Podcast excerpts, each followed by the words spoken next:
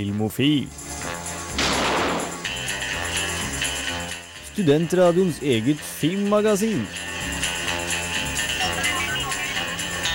Lights ready, all set. Cameras. Det er en hektisk uke for filmelskere. Vi har hatt Oscar-utdeling, vi skal ha Kosmoramafestival, og som vanlig så er det nye premierefilmer på kino. Jeg heter Christian Krokfoss, med meg her er Cecilie Hoenvold, Hei, hei. Stig André Kristiansen Hei. og Sverre Torp Solberg. Vi skal gå gjennom eh, premierefilmene etter hvert. De er The Blind Side, En helt vanlig dag på jobben og The Green Zone. Vi har snakka med festivaldirektøren for Kosmorama. Og vi skal ta nærmere titt på The Hurt Locker, som stakk av med seks Oscar-priser nå nettopp. Men først så starter vi med litt musikk. Charlotte Gainsbourg, Trick Pony. Du har eh, et par eh, friske nyheter til oss, Stig André, fra filmverdenen. Ja, en liten utenlandsk frisk nyhet. Eh, Oliver Stone eh, skal eh, Eller de bør regissere eh, Wall Street. The Money Never Sleeps. En slags oppfølger, da, forstår jeg. Det er en slags oppfølger da om han eh, Gordon Gekko. Men nå slipper han ut for fengselet, da. For han blir ja. Vi husker jo Michael Douglas sin Oscar-vinnende rolle fra 1987 der, altså. Yes. Den uh, sies å komme sånn i Skandinavia rundt uh, den 21. april, men det er litt sånn Man veit ikke helt. Så rundt da. Da sier vi på vårparten. Ja. Kosmorama er i byen, og du skal nevne noe av det fort i det Ja, veldig, veldig fort. Vi, vi kommer tilbake til det, men uh, det kommer veldig mange sånne kjente lærere fra NTNU på Dragvoll som skal snakke litt om film. Det er annet Stig Kulseth, Anne Gjelsvik, Eirik Fyse Hansen og Bjørn Sørensen. Men det kan vi komme tilbake til litt nærmere. Vi tar Kosmoramaen litt senere. Vi skal Ja. komme oss på kinoanmeldelsene straks, og skal begynne med The Blind Side. Først litt musikk. Her er Gorillas, White Flag.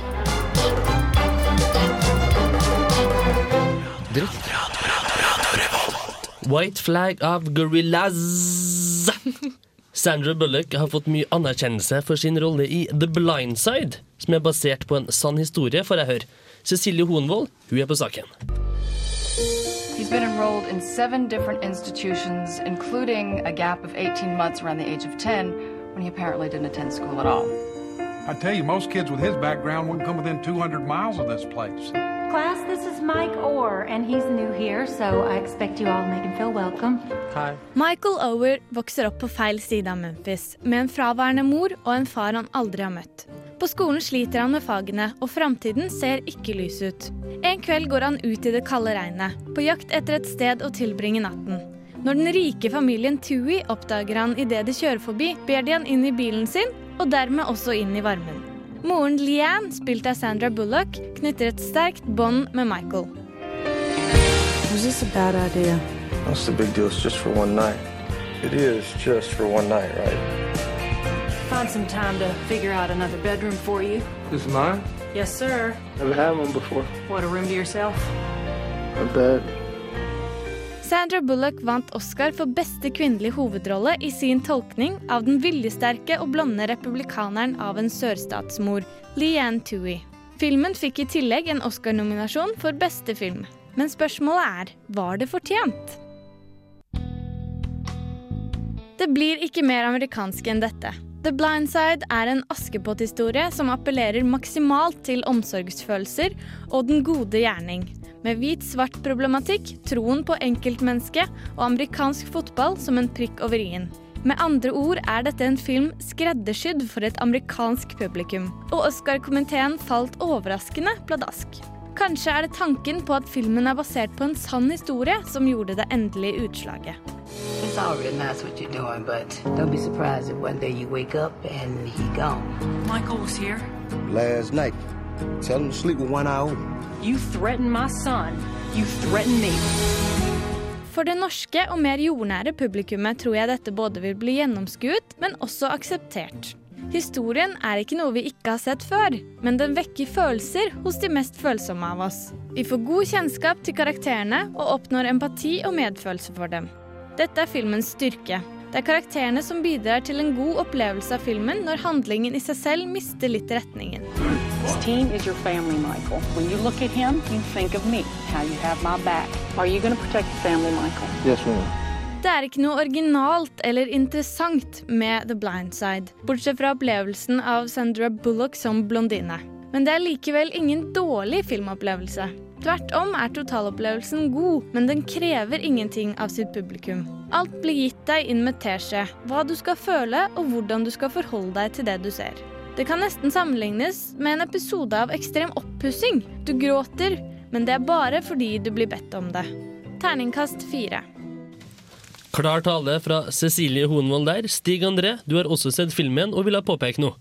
Ja, jeg har bare en liten refleksjon eh, over eh, Jeg tenker litt sånn type Mickey Wres- Wrestler. Han gjør en liten sånn breakthrough der. Og så har du Jeff Bridges i Crazy Heart som måtte Ja, han gjør en bra film. Og så Er det noen sånn trend nå med Sander Bullock har på en måte ikke spilt så mye bra på en stund nå. Og, og hun fikk jo da Oscar for, eh, for eh, beste kvinnelige hovedrolle i, i den filmen. Da. Så jeg lurer på, det er noen sånn greie nå med at ja, vi kjører på, vi gjør en bra film og blir kjent igjen, type tror- greie. Det er har det alltid ofte, vært sånn? ofte en tradisjon at eh, et par Oscarer deles ut eh, til litt eldre og etablerte skuespillere som kanskje ikke har vunnet så mye før, for å på en måte takke dem for lang og tro ære i filmbransjen. For eksempel sånn som Jeff Bridges eller Mick Rourke som har vært med såpass lenge, endelig gjør en god rolle i en god film. Da er det veldig lett å gi den personen Oscar, tror jeg. Og Sandra Bullock har jo vært med i mange herrens år nå. Absolutt. Ja, og hun har gjort mye dårlig. Det har du rett i. Eh, Så første gang hun gjør noe som er helt middelmådig bra, kanskje litt bra, så er det sånn Ja, det er en Oscar! Selvfølgelig skal du ha en Oscar, men det er egentlig en helt eh, middelmådig tolking. Eller det er en god tolkning, men det er ikke den beste tolkningen i år. Nei. Det finnes så mye bedre, og så mange For eksempel hun som spiller mora i mora til eh, Precious i filmen Precious, som gjør en nydelig rolle. Hun burde ha hatt en Oscar. Finn Latif, tror jeg heter. Synse kan vi gjøre hele uka. Vi må nok høre litt musikk også. The Morning Benders, Promises.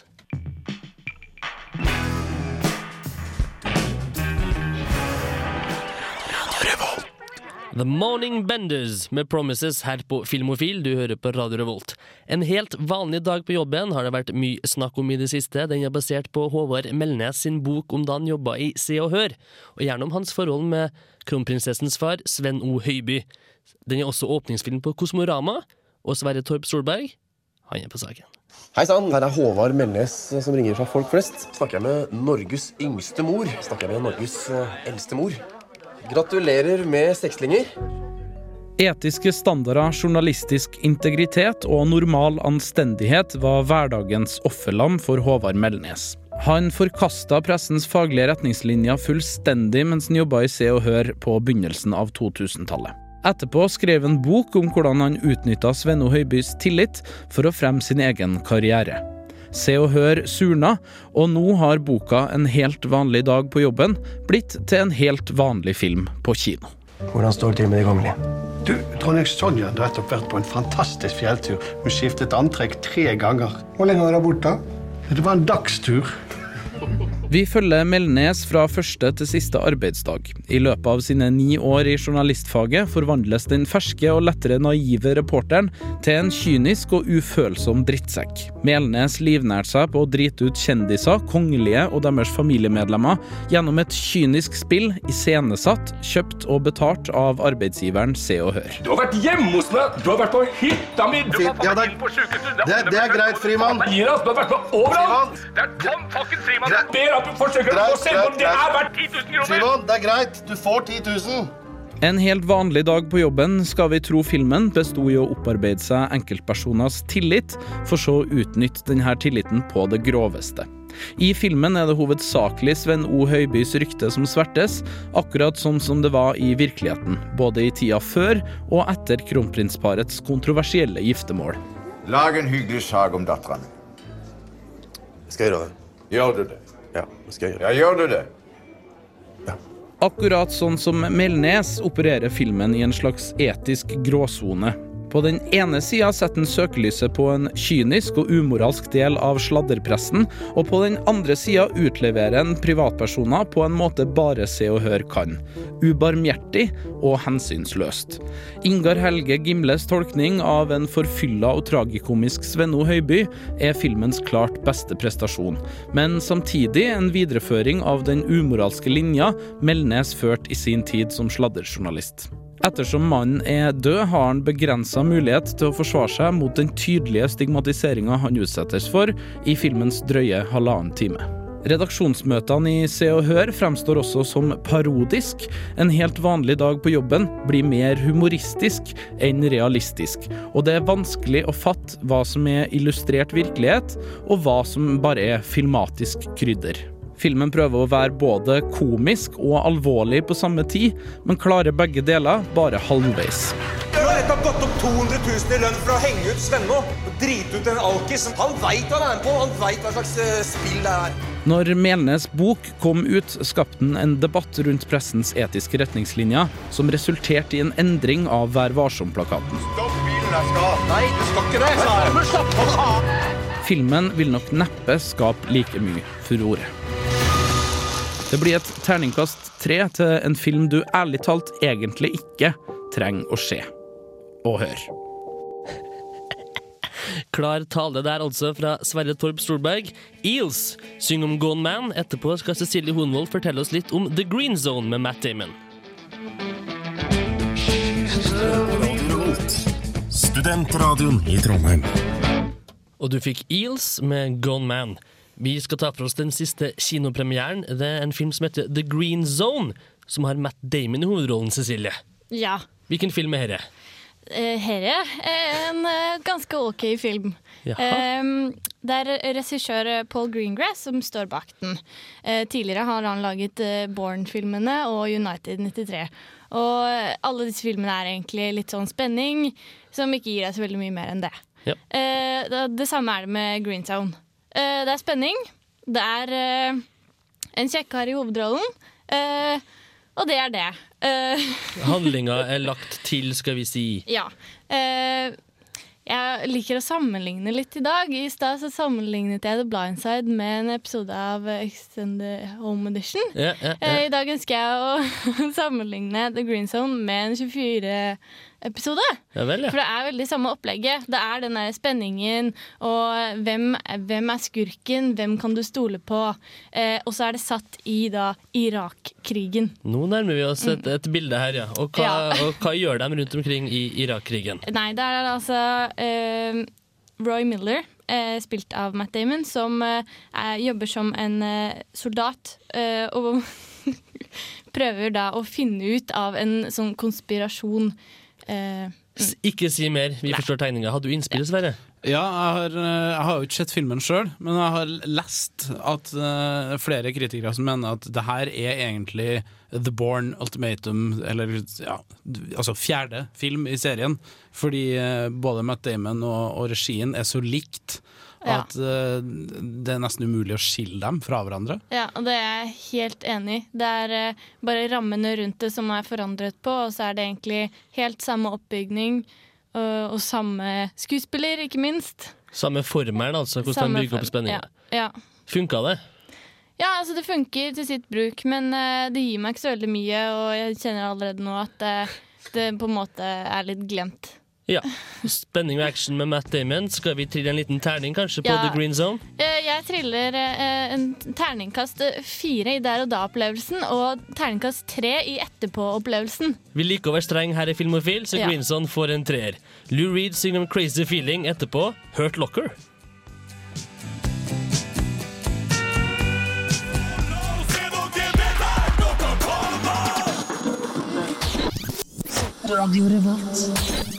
Du hører på Filmofil. Skru det opp, sa Jodski. Det er nå hans sak. Oscar-utdelinga Oscar-utdelinga var på søndag. Vi så at eh, The Hurt Locker stakk av med hovedprisene foran sin argeste konkurrent Avatar. Og hva, og hva er litt spesielt med at Hurt Locker vant prisen for beste regi? Ja, det er litt spesielt, fordi eh, Catherine Bigelow er faktisk den første kvinnelige regissør som mottar eh, denne prisen. Og det, det er jo bra. Og det var så nært kvinnedagen. Ja, det Veldig godt poeng for oss her i Norge. Så var det klokka over midnatt. Det, var strengt tatt kvinnedagen. Ja, strengt det er vel bare to kvinner som tidligere har blitt nominert til den prisen. Sist så var det eh, Jane Campion for The Piano i 1993 som var nominert. Mm. Avatar vant ikke de store prisene som forventa. Det er en film som jeg og Sverre ikke har mye overs for. Stig André, tanker om Avatar? Nei, den eh, får en, eh, får en eh, tre treer fra meg. Det er sånn- Slapp midt på treet. Jeg er litt lei den antmorfisering, den type dyr med menneskelige egenskaper. Jeg Kunne i hvert fall gjort det litt mer eh, dyrelig, de eh, folkene, eller hva det Så heter. Oscar-prisen for beste dyr hadde da gått Ja, ja, absolutt. Nei, altså, det, det ser jo helt fantastisk ut. da Altså Verden i Avatar i 3D. Det er jo helt nydelig å se på. Det er det. Mm. det er jo spektakulært. Men fy faen, så kjedelig. Det, det irriterer meg at, at den filmen vinner pris for beste foto, når nesten hele filmen er lagd ingen, Laget data, ingen datamaskin. CGI. Så det syns jeg er litt sjokkerende. Ellers så, så vi at Jeff Bridges vant for eh, Crazy Heart. Den har du anmeldt og sett tidligere, Stig André. Det stemmer. Enig med avgjørelsen, kanskje? Ja, altså, eh, eh, Jeff Bridges gjør en bra rolle. Filmen er i seg selv sånn helt grei. Vi snakka litt om det i stad i forhold til hun som også vant beste kvinnelige, Sandra Bullock. Jeg, jeg trengte ikke lipsing på men det er greit. Takk, sufflør eh, Krokfoss. Eh, men hun òg, 45 år, vært lenge i gamet, har ikke gjort noe særlig bra filmer. Når hun først gjør en halvveis rolle, gi henne en, eh, en pris. Jeff Bridges derimot har jo vært i gamet minst like lenge, ikke faktisk, ja, og faktisk levert varene veldig mange ganger. Og har vel vært nominert en seks ganger eller noe sånt? Har vært nominert eh, et par ganger tidligere. i Ja, hvert fall, det det er helt vilt. Og det var kanskje på tide. Det er på tide, absolutt. Ellers så så vi at Precious stakk av med et par priser. Beste kvinne i birolle og beste manus. Den hadde du sansen for, Stig André. Veldig veldig bra film. Og hun Monique som spiller mora til Precious, det er den beste kvinnelige skuespillerprestasjonen jeg har sett på ganske lenge. Skremmende, skremmende pre pre eh, prestasjon, for den er så på hun spiller en uh, psykopat. Stig André Kristiansen. Monique, hot or not? Uh, bad. Bad i filmen. Bad. Også bad, som kvinne, men uh, ikke så veldig hot i virkeligheten. Nei. Nei, nei. er Ypperlig. Eh, eh, Både Sverre og Stig André har anmeldt The Hurt Locker. Stig André anmeldte den ved kinopremieren, og eh, Sverre Torp Solberg tok en titt på den når det var DVD-release. De er dypt uenige om kvalitetene til den filmen. Vi skal høre begge sine meninger etterpå. Først The Art Museums og Modern Girls.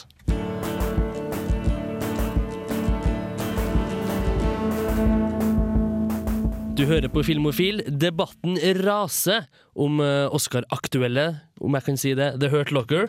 Først ut Stig André Kristiansen sine tanker om årets kanskje beste film, ifølge noen. Well, well. What do we have here? This box is full of stuff that almost killed me. What about this one? It's my wedding ring. Like I said. Bomber får meg egentlig til å tenke tilbake på filmer som Blown Away, Speed og Die Hard in New York. Med dette som utgangspunkt gleder jeg meg til å se den nye filmen The Hurt Locker. Vi befinner oss i Bagdad, og sammen med en gjeng bombeeksperter fra The Bravo Company. Sergeant James, spilt av Jeremy Renner, er gruppas nye leder etter at forrige bombeekspert ble drept av et prosjektil fra en bombe han prøvde å desarmere. Med på laget i The Bravo Company har vi sersjant JT Sandberg, Owen Eldridge, som ikke helt liker at den nye lederen ser mer fram til å desarmere bomber enn å tenke på sikkerheten til hans kompani og de sivile i området. Want to break out the suit? What's the best way to go about disarming one of these things? The way you don't die, sir. Sersjant James er nemlig en liten Rambo-aktig figur som gjerne tar av seg bombevesten sin, og ironisk nok forteller at hvis han skal bli sprengt til himmels, så vil han gjøre det mest komfortabelt. USA friendly coming in! Gun! First day. Figure you won't take it easy, right? It's a rowdy boy. It's reckless. How many bombs have you disarmed? 873. What's he doing? I'm gonna die. I'm gonna die comfortable. It's 39 days. 38 if we survive today. Når Jeremy skal desamere sin første bombe for Bravo Company, så blir vi presentert med noen filmatiske virkemidler som prøver å få oss til å skjønne alvoret i jobben som bombemann. Håndholdt kamera, nærbilder av ansiktet bomber, samt fokuseringen på skumle sivile som lusker rundt i gatene, er noen av disse virkemidlene. Jeg blir dessverre ikke så imponert over dette, og synes det hele virker veldig usammenhengende og lite spenningsoppbyggende. Enda mer rotete blir det når vi plutselig i filmen blir satt i en skyttergrav for å skyte på irakere, hvor jeg sitter og lurer på jaha, hvorfor skal vi det da? Og hvor ble det av bombene? I skyttergraven snakkes det om hvor flinke de var til å treffe neste iraker i hodet, og at de må tørke blod av patronene. Spennende? Nei. Det er faen meg vemmelig, og har ingenting med bomber å gjøre. Hey, Will? Yeah? At your six o'clock. I see movement on the bridge, uh, right on the tracks. Well, handle it. Should I fire? It's your call, buddy.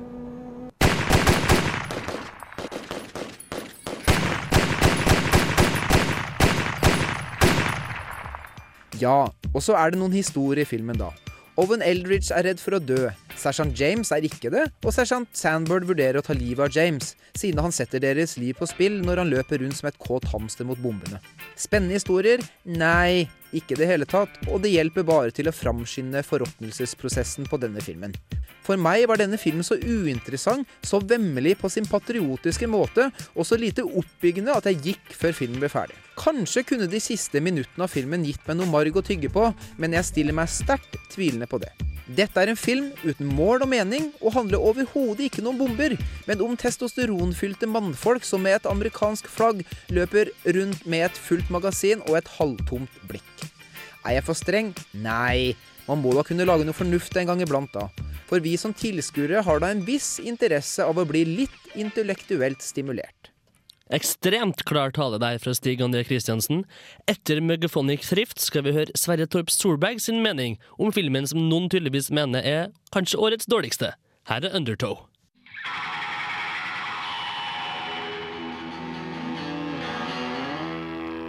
Undertow av The Megaphonic Thrift her på Filmofil. Du hører på Radio Revolt.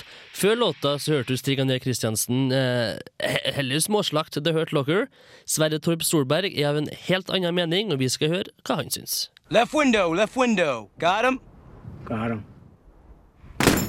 Krig er helvete, men for enkelte er risikoen som følger med, avhengighetsdannende.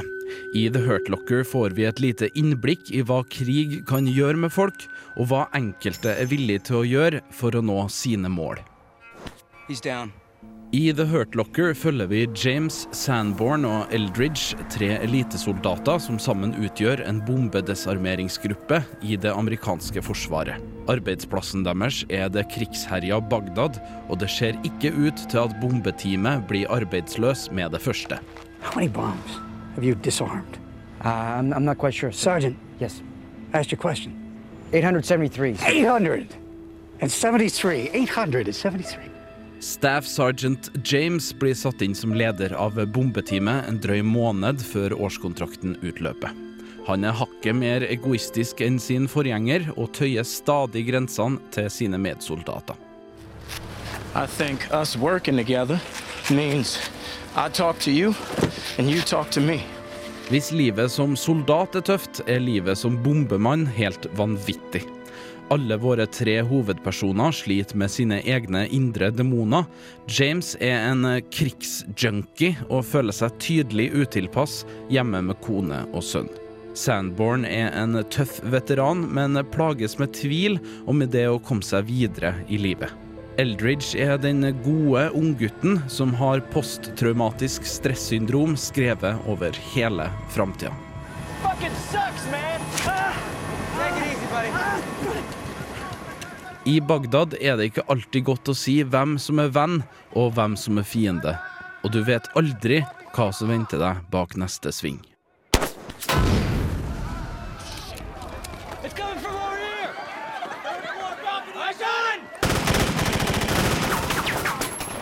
Å desarmere hjemmelagde eksplosiver i en krigssone anser jeg som en av verdens mest krevende jobber. Og i The Hurt Locker føles det ekte. Rått, brutalt og skittent.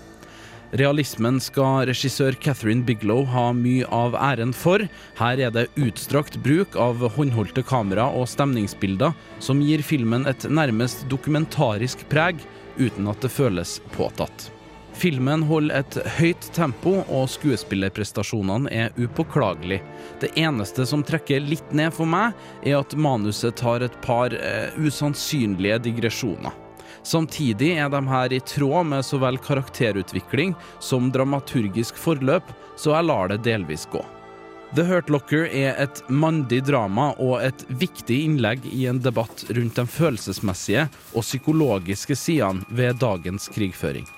Samtidig er det en strålende krigsfilm som står til en solid femmer på terningen. Chest, but I got him stable. He's not gonna make it. If we leave here in 15 minutes, we got a survivable wound, sir. He's not gonna make it. To vidt forskjellige meninger om det hørte dere der fra Stig André og Sverre. Undertegnede har ikke sett filmen ennå, men syns det er bra at det blir debatt rundt filmer, i hvert fall. Jeg skal se den og komme med fasiten etter hvert. Her er Brian Jonestown Massacre med Our Time. Hello.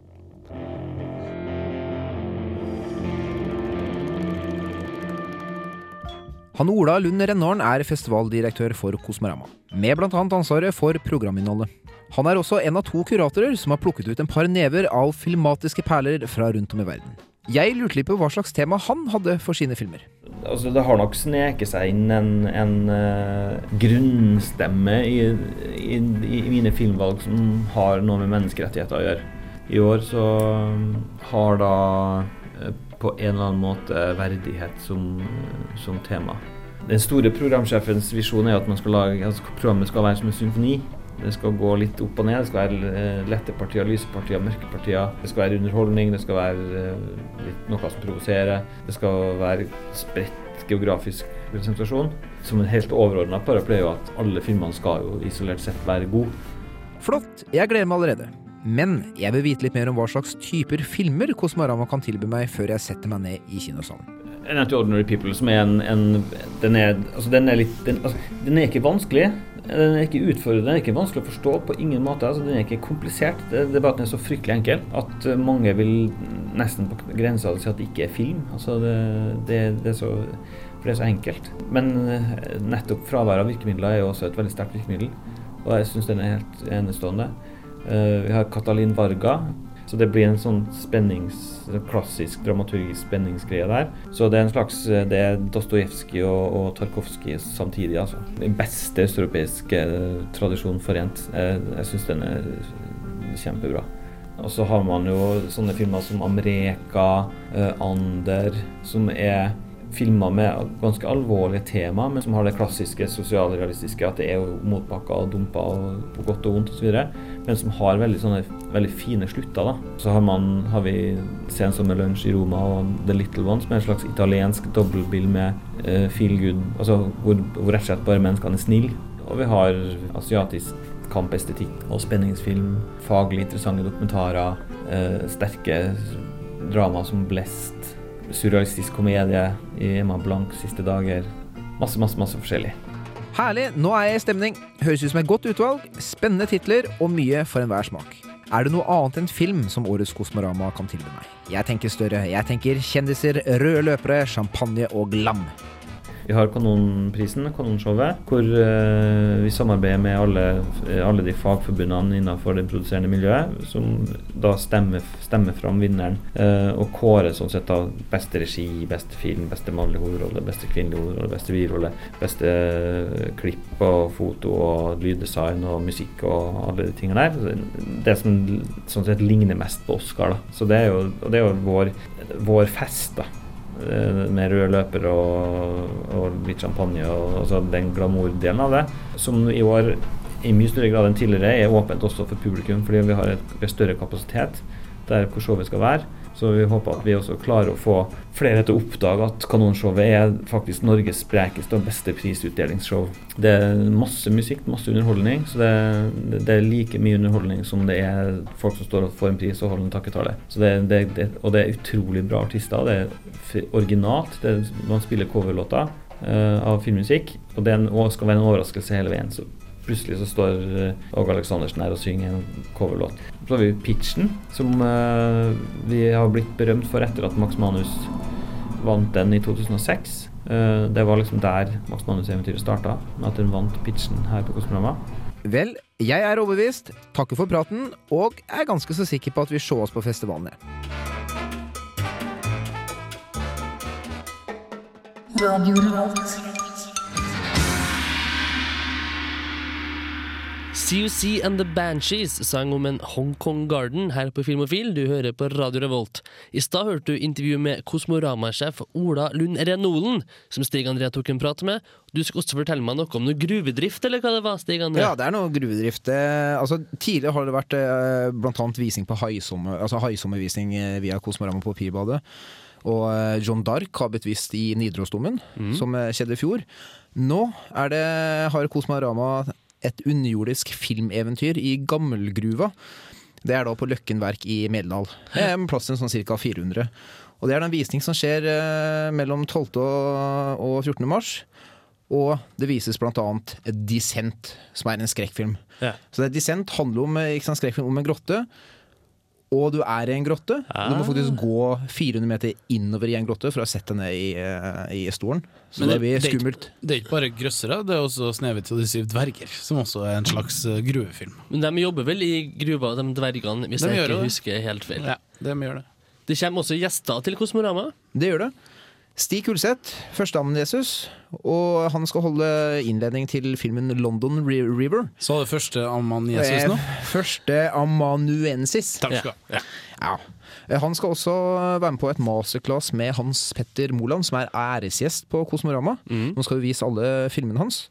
Og da skal eh, Kulseten intervjue han og snakke om eh, Ja, han skal dra ut noen hemmeligheter da, fra, fra Moland. Da. Det er en ting som jeg er helt sikker på at publikum savner i år, i Kosmorama i år, som har vært tidligere år, det er den her drive-through-kinoen. Drive-in. Drive, ja, Drive- Drive-by. Kjøre igjen drive-by-kinoen. Eh, Drive-in-kinoen, da, som har vært tidligere år. Eh, I hvert fall dem jeg har snakka med eh, av filminteresserte mennesker i dag, eh, har sagt at de savner det på programmet. Ja. Kanskje det kommer en uh, neste år. Ja, forhåpentligvis. Det virker det som at Kosmorama prøver å gjøre noe nytt hvert år i, i så henseende, og det er jo positivt. Ja. Eirik Friis Johansen, også fra lærer på NTNU, han skal snakke om filmen Airdoll, som er en japansk film om den oppblåsbare dokken Nasumi som finner seg et hjerte. Og så blir hun levende. Så han skal også ha sånn kosesnakk etterpå. da. Og det skal også Anne Gjelsvik, som også er eh, filmviter, og Ja. Eh, professor Bjørn Sørensen skal snakke om en eh, veldig spesiell dokumentarfilm som heter Sjokkdoktrin.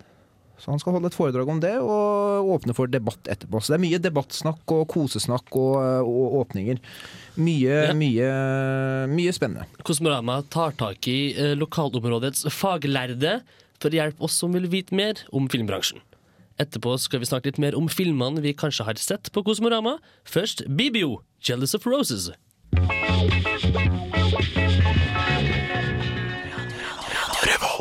Jealous of Roses, platåskoene er på, og vi danser disko. Det var Bibio. Kosmorama har en del asiatisk film på programmet i år, Stig André. Det stemmer, ja. Det er ei som heter El Ellen Poliachi, som eh, er eh, professor i eh, altså, kinesisk film. da. Hun har valgt ut av halvparten av filmen som vises på festivalen. Og det er da asiatisk film som på en måte er tematikken. da. Mye, mye spennende som, eh, som ligger der. Jeg og Sverre var jo i dag og så en eh, film fra Kina slash Hongkong som heter Bodyguards and Assassins. Ja, en veldig tøff tittel. Jeg vet Mm. ikke om eh, det gjenspeiles like godt i filmen sånn for øvrig. Eh, Jeg syns i hvert fall det var en fryktelig dryg film. Eh, Som bruker eh, Ja, den varer vel i to timer og 20 eller noe sånt. Og bruker omtrent halvannen til å på en måte bygge seg opp før det blir noe action. Det er da snakk om eh, politisk kamp på starten av 1900-tallet eh, mellom Kina og Hongkong, og vi møter mange eh, figurer og, som blir påvirka av det her. Eh, og det blir da selvfølgelig litt slåssescener, og det er litt humor, og det er en god del føleri. Den ser jo flott ut. Visuelt er den jo ja, makeløs. Ja, det vil jeg si. Men langdryg, eh, litt vanskelig for oss som ikke kan språket, og egentlig forstå alle eh, forskjellene i, i følelser og, og uttrykk. Det går mye i det samme. Ja, og så er Må jeg være nødt til å si. Og så er det òg veldig mange personer å forholde seg til. Mm. Og eh, et par av dem ligner litt mye på hverandre. Kan være fordi at de er asiater og vi er hvite, og det, er sånn, det er så kulturforskjell der. Men eh, det, det blir litt veldig mange historier, og ikke alle nøstes like godt opp, da. kan Det er jeg helt enig i. Veldig flotte slåssescener, for eksempel, men alt i alt en litt vel langdryg og, og litt følelsesløs eh, affære for min del. Jeg triller terningkast tre på Teddy Tangsupchan sin Bodyguards and Assassins. Ja, det er bra. Jeg tror jeg havner på treeren, jeg, faktisk. En syltynn treer, faktisk.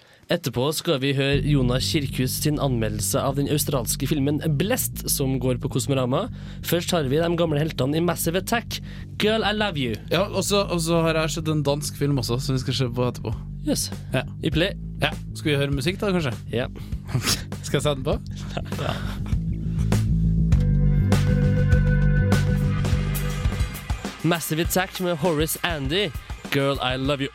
Eh, Jonas Kirkhus har sett en australsk flettverkfilm som han påstår er vakker i all sin grusomhet. Blest heter den.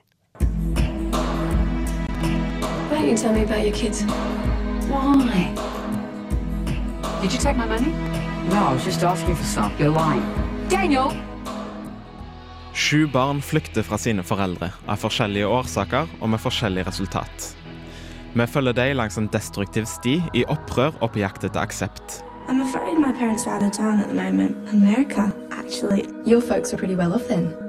Yeah. We're going keep you here until we find out what you did to these two girls. What do you think? We killed someone? Det ligger i lufta at grusomme ting har skjedd og vil skje. Dagen byr på mer enn de ber om. Så begynner dagen på ny, denne gangen med sju mødre i fokus. Vi får forklaring på noe av det vi lurer på, men egentlig bare flere spørsmål. Hvem har ansvar for hvordan livet har blitt? Hvem skal ta det første skrittet i riktig retning, og hva er riktig retning? $700. What are you doing to get that kind of money? Please give me the name of the boy in the river. I think this boy is my son. You're never gonna see her again. Wait! Life isn't a big fancy dress party. Everybody has to look like what they are.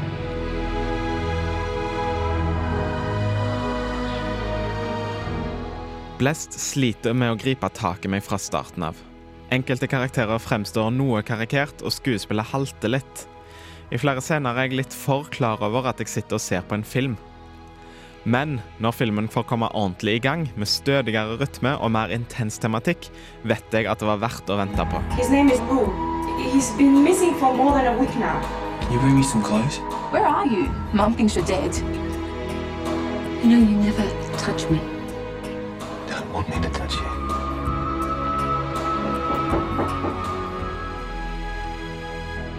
Det er deilig at de delene av filmen som funker, er så bra at de drar meg inn i fiksjonen igjen, griper tak i meg og ikke slipper taket før lenge etter at jeg har forlatt kinosalen. Skuespillerne er dyktige, noen av de briljante. Kameraet er nært og intimt, og musikken binder det hele veldig fint sammen. Godt håndverk, særlig et stykke ut i filmen. Blest er sår og på mange måter vakker i all sin grusomhet. Det er en gripende, ekte og ærlig film om mennesker som er offer for livets og hverandres ujevnheter. I det hele tatt blir Blest en varierende filmopplevelse, hvor jeg sliter med å tro på noen deler, mens andre deler virkelig griper tak i meg. Heldigvis er det de positive inntrykkene som sitter best i etterkant. Terningkast fire. I love you so much. My whole life is one big assessment.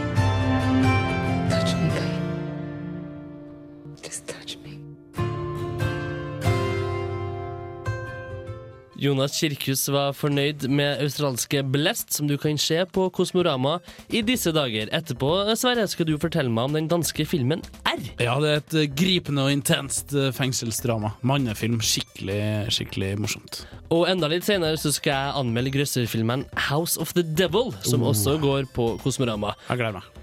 Takk for det. Først The Brunettes med The Crime Machine. Du hører på Filmofil.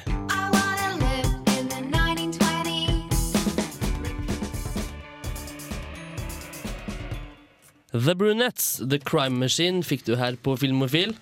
R, en dansk film som så vidt jeg vet foregår innenfor fengselsmurene. Sverre Torp Solberg. Det gjør det. Et eh, dansk fengselsdrama av regissørduoen duoen Noer og Lindholm, eh, som er da eh, sin første store spillefilm, tror jeg. Ikke at den er så fryktelig stor, men den blir nå i hvert fall vist på Kosmorama. Handlinga, kort fortalt. Kort fortalt eh, R da står for da Rune, som vi da treffer idet han skal starte en soningsperiode på to år for en voldsdom vi ikke helt eh, vet hva er eh, i starten av filmen, så jeg skal ikke avsløre hva det er for noen ting. Eh, en eh, fyr som man har lett for å føle sympati med. Eh, og som da prøver å unngå bråk i fengselet, men selvfølgelig havner i situasjoner der han er nødt til å ta en del ubekvemme valg. Og det her, det funker. Ja, jeg syns det gjør det. Eh, det er, hender at det kommer litt sånn danske filmer som er litt rå, litt brutale og litt kul. Og det her er absolutt et, et velskrevet og velgjort, en velskrevet og velgjort film. Underholdningen var god? Ja, jeg syns det. Det er, det er til tider veldig brutalt. da. Eh, Det er et par scener i filmen som ikke er Det er ikke nødvendigvis så visuelt så brutalt heller, selv om det er det òg. Eh, men det er lyder og, og miks og et skittent bilde som gjør at eh, filmen blir ganske rå. Så du er meget fornøyd, og vil da kanskje trille en terning for dem som liker oppsummerende anekdoter? Ja, ikke sant? Jeg havner på en eh, firer, jeg. En sterk firer. Eh, fordi at man sitter igjen med litt sånn følelser etterpå som er godt å sitte igjen med. Eller det, det føltes veldig befriende å komme seg ut i dagslyset etterpå, for å si det sånn. Mm. Kosmorama-aktuelle R der, altså. Ja, og vil du lese hele anmeldelsen, så ligger den faktisk på radiorevolt.no. Sammen med flere andre og oppdateringer på Kosmorama etter hvert. Izakaya Heartbeat synger om Skull and Bones. I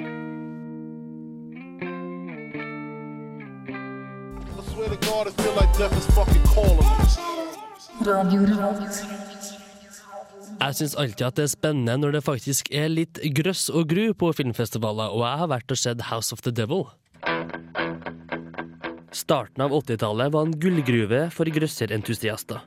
Det meste kom ut på det spennende formatet VHS, og videohyllene var rekke opp og rekke ned med grøss og gru fra like fremt statene som Italia og Europa ellers. Det tok ikke lang tid før myndighetene sveiva med sensurstaven, og voldsdebatten florerte i rikspressen. House of the Devil er som snytt ut av nesa på denne filmhistoriske perioden.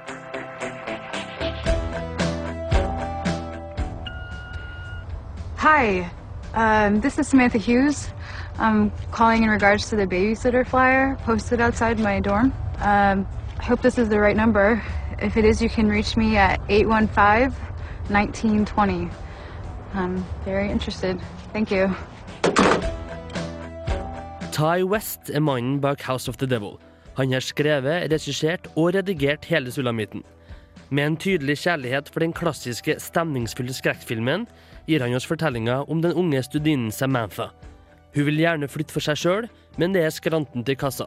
Hun bestemmer seg da for å ringe angående en barnevaktjobb, da hun ser en notis på universitetet. Sammen med venninna si Megan kjører de utover kveldsmørket på vei mot det som muligens kan være huset som tittelen refererer til.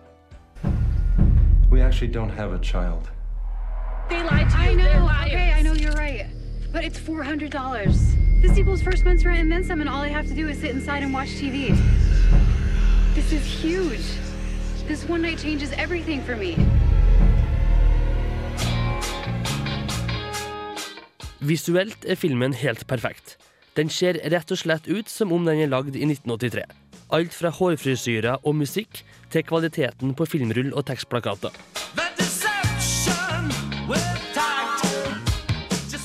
Anslag og de fleste vendepunktene er helt riktig utført etter sjangerens tradisjon. Filmen er verken en hyllest eller en parodi. Den er et stilrent tilskudd til en ganske utvanna sjanger. Her ligger også problemet, da filmen strengt tatt ikke er dårligere eller bedre enn sine inspirasjonskilder. Den er helt gjennomsnittlig skummel og interessant. Me, Samantha, because I've not been completely honest. We're from the desert, you know.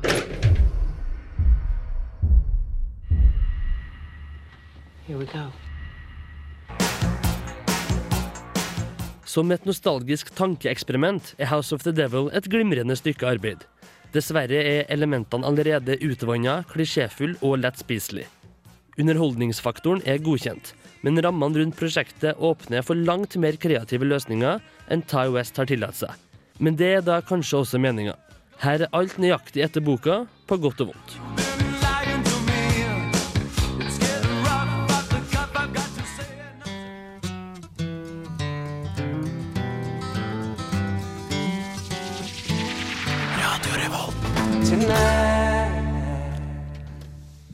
The Grateful Dead sang om Friend of the Devil. Cecilie, en ganske snill mann. Ja, den blir vist på Kosmorama, den. Mm. Og den har premiere 19. mars. På vanlig kino også, for Ja. oss vanlige dødelige. Ja. Eh, Det som er morsomt med En ganske snill mann, er at den, den nå har blitt solgt til over 20 land i Europa. Og det er veldig mye. Og så har den likevel ennå ikke hatt premiere i Norge. Nei, det er litt Eh, spesielt. Så den gleder vi oss veldig til. Det er kommer en anmeldelse av den neste uke, Ja. som dere kan glede dere til. Da tar vi et lite sånn Kosmorama-oppsop-sending, tenker jeg. Ja. Apropos Kosmorama.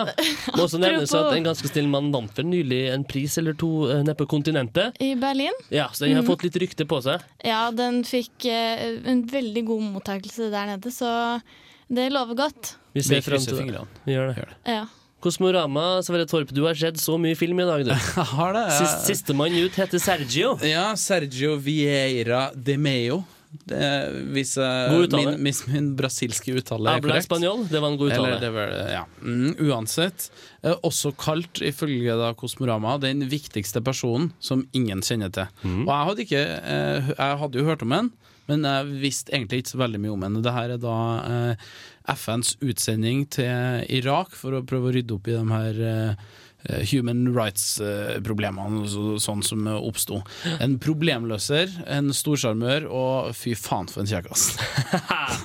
Sergio, hot or not? Ja, han var hot, og det viste seg jo også. Han var jo som sagt en kvinnebedårer, og han var gift, hadde to barn, men han sto jo i med alle sine kvinnelige eh, medarbeidere. Men han, gjorde, han gjorde sitt for freden. Ja, det gjorde han. Og det, dokumentaren nå er jo da eh, egentlig litt om hans eh, liv og virke, eh, men også eh, om hans siste dag, da. For han eh, døde jo eh, under et bombeattentat Mm. mot eh, FNs eh, bygning i, i Irak. Er filmen god? Ja, og den klarer å ha Den har en veldig fin spenningskurve, sjøl om vi på en måte vet eh, hva som kommer til å skje. Dette er en dokumentar, så det er veldig mye intervjuer og litt sånne ting. Det er litt spesielt, fordi de har annet fått med Condoleezza Rice, som var eh, ja, jeg satt i departementet med en eh, Bush. Eh, For Bush var jo selvfølgelig involvert her. Eh, Mye arkivfoto og så Mm. av han mannen. eh, Og og også da eh, Paul Bremmer, da, som var nede i Irak eh, for USA da når det her skjedde. Og de var jo gode venner og hadde en eh, ganske kraftig dialogutveksling eh, seg imellom. Konklusivt. Eh, en god film? Ja, det er en god dokumentar, men det er en sånn TV-dokumentar. Så Mm. det er ikke, eh, nå, er, nå er jo ikke sikkert at det her blir vist på norsk TV, eh, så det kan jo være greit å fære og se den, i hvert fall hvis du er litt over gjennomsnittet interessert i, i temaet. Ja. Vi, vi triller terning på Sergio.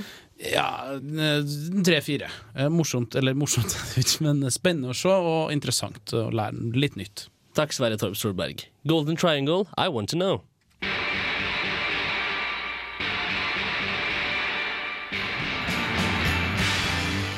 Golden Triangle, I Want To Know, her på Filmofil. Vi skal ta for oss et par nyslupne DVD-filmer. Uh, Cecilie Hoenvold har sett franske forviklinger, eller Le Col à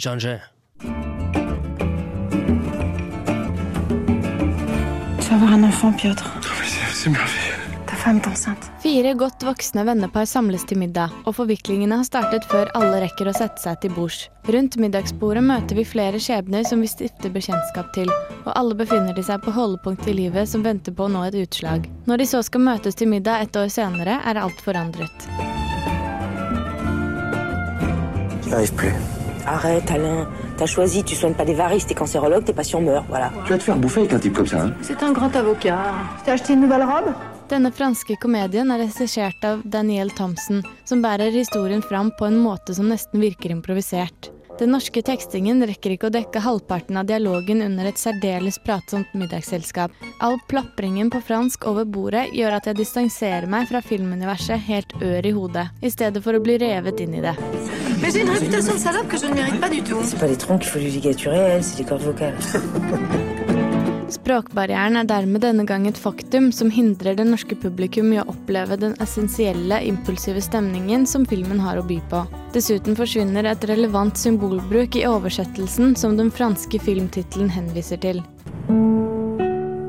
Je vais dire que je pars, que j'ai quelqu'un que... Quand il est mal, je suis mal, et quand il est heureux, je suis bien. Selv om enkelte scener underholder meg, sliter jeg litt med det store bildet. Jeg ser ikke helt hva historien ønsker å formidle, annet enn å fortelle om noe vi har hørt tusen ganger før. Utroskap, skilsmisser, graviditet, forpliktelser, baksnakking, selvrealisering, forsoning og livsløgner. C'est peut-être ça finalement un couple. Jamais cessé de t'aimer. Pas une seconde.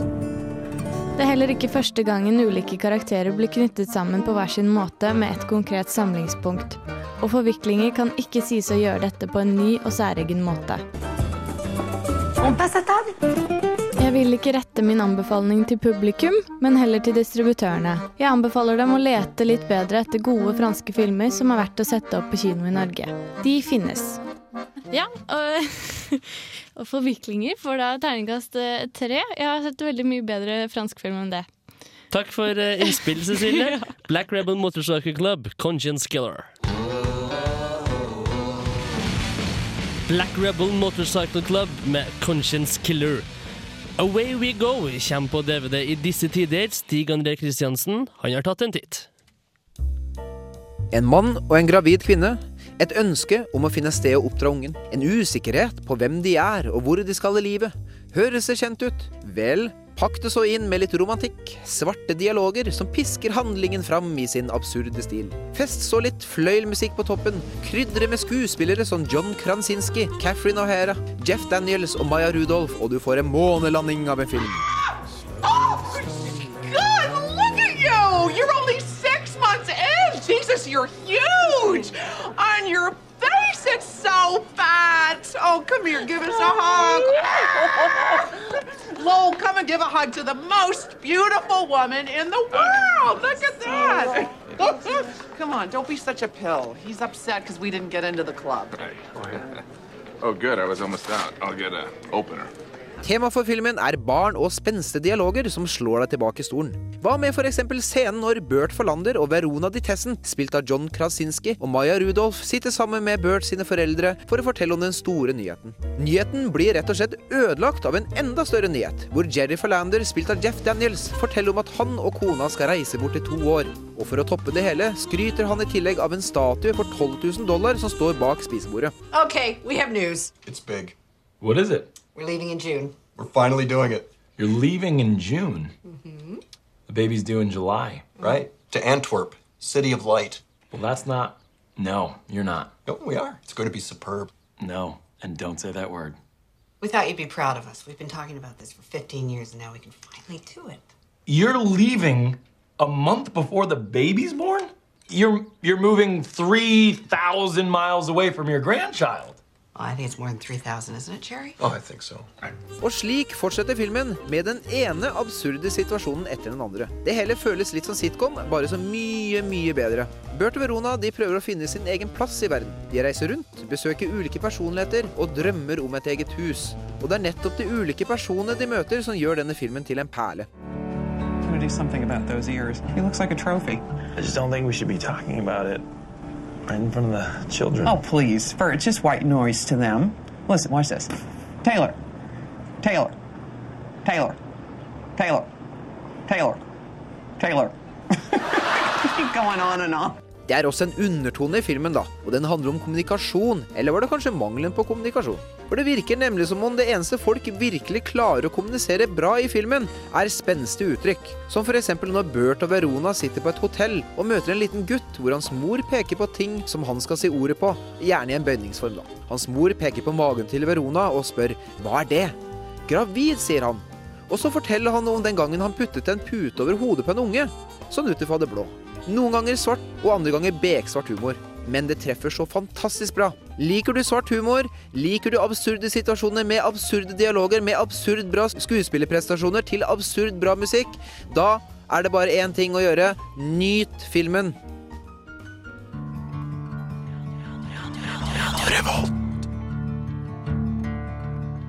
There ain't no grave can hold my body down. Johnny Cash, Ain't No Grave. Filmofil er ferdig for i dag.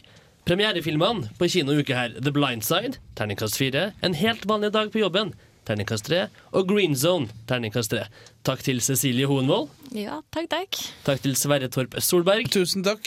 Takk til Stig André Kristiansen, som har stukket av. Innspill, Cecilie. Ja, Vi må også minne om at uh, gå inn på våre nettsider og les om filmene på Kosmorama og diverse annet nytt fra Kosmorama. Ja, det blir oppdateringer hele helga.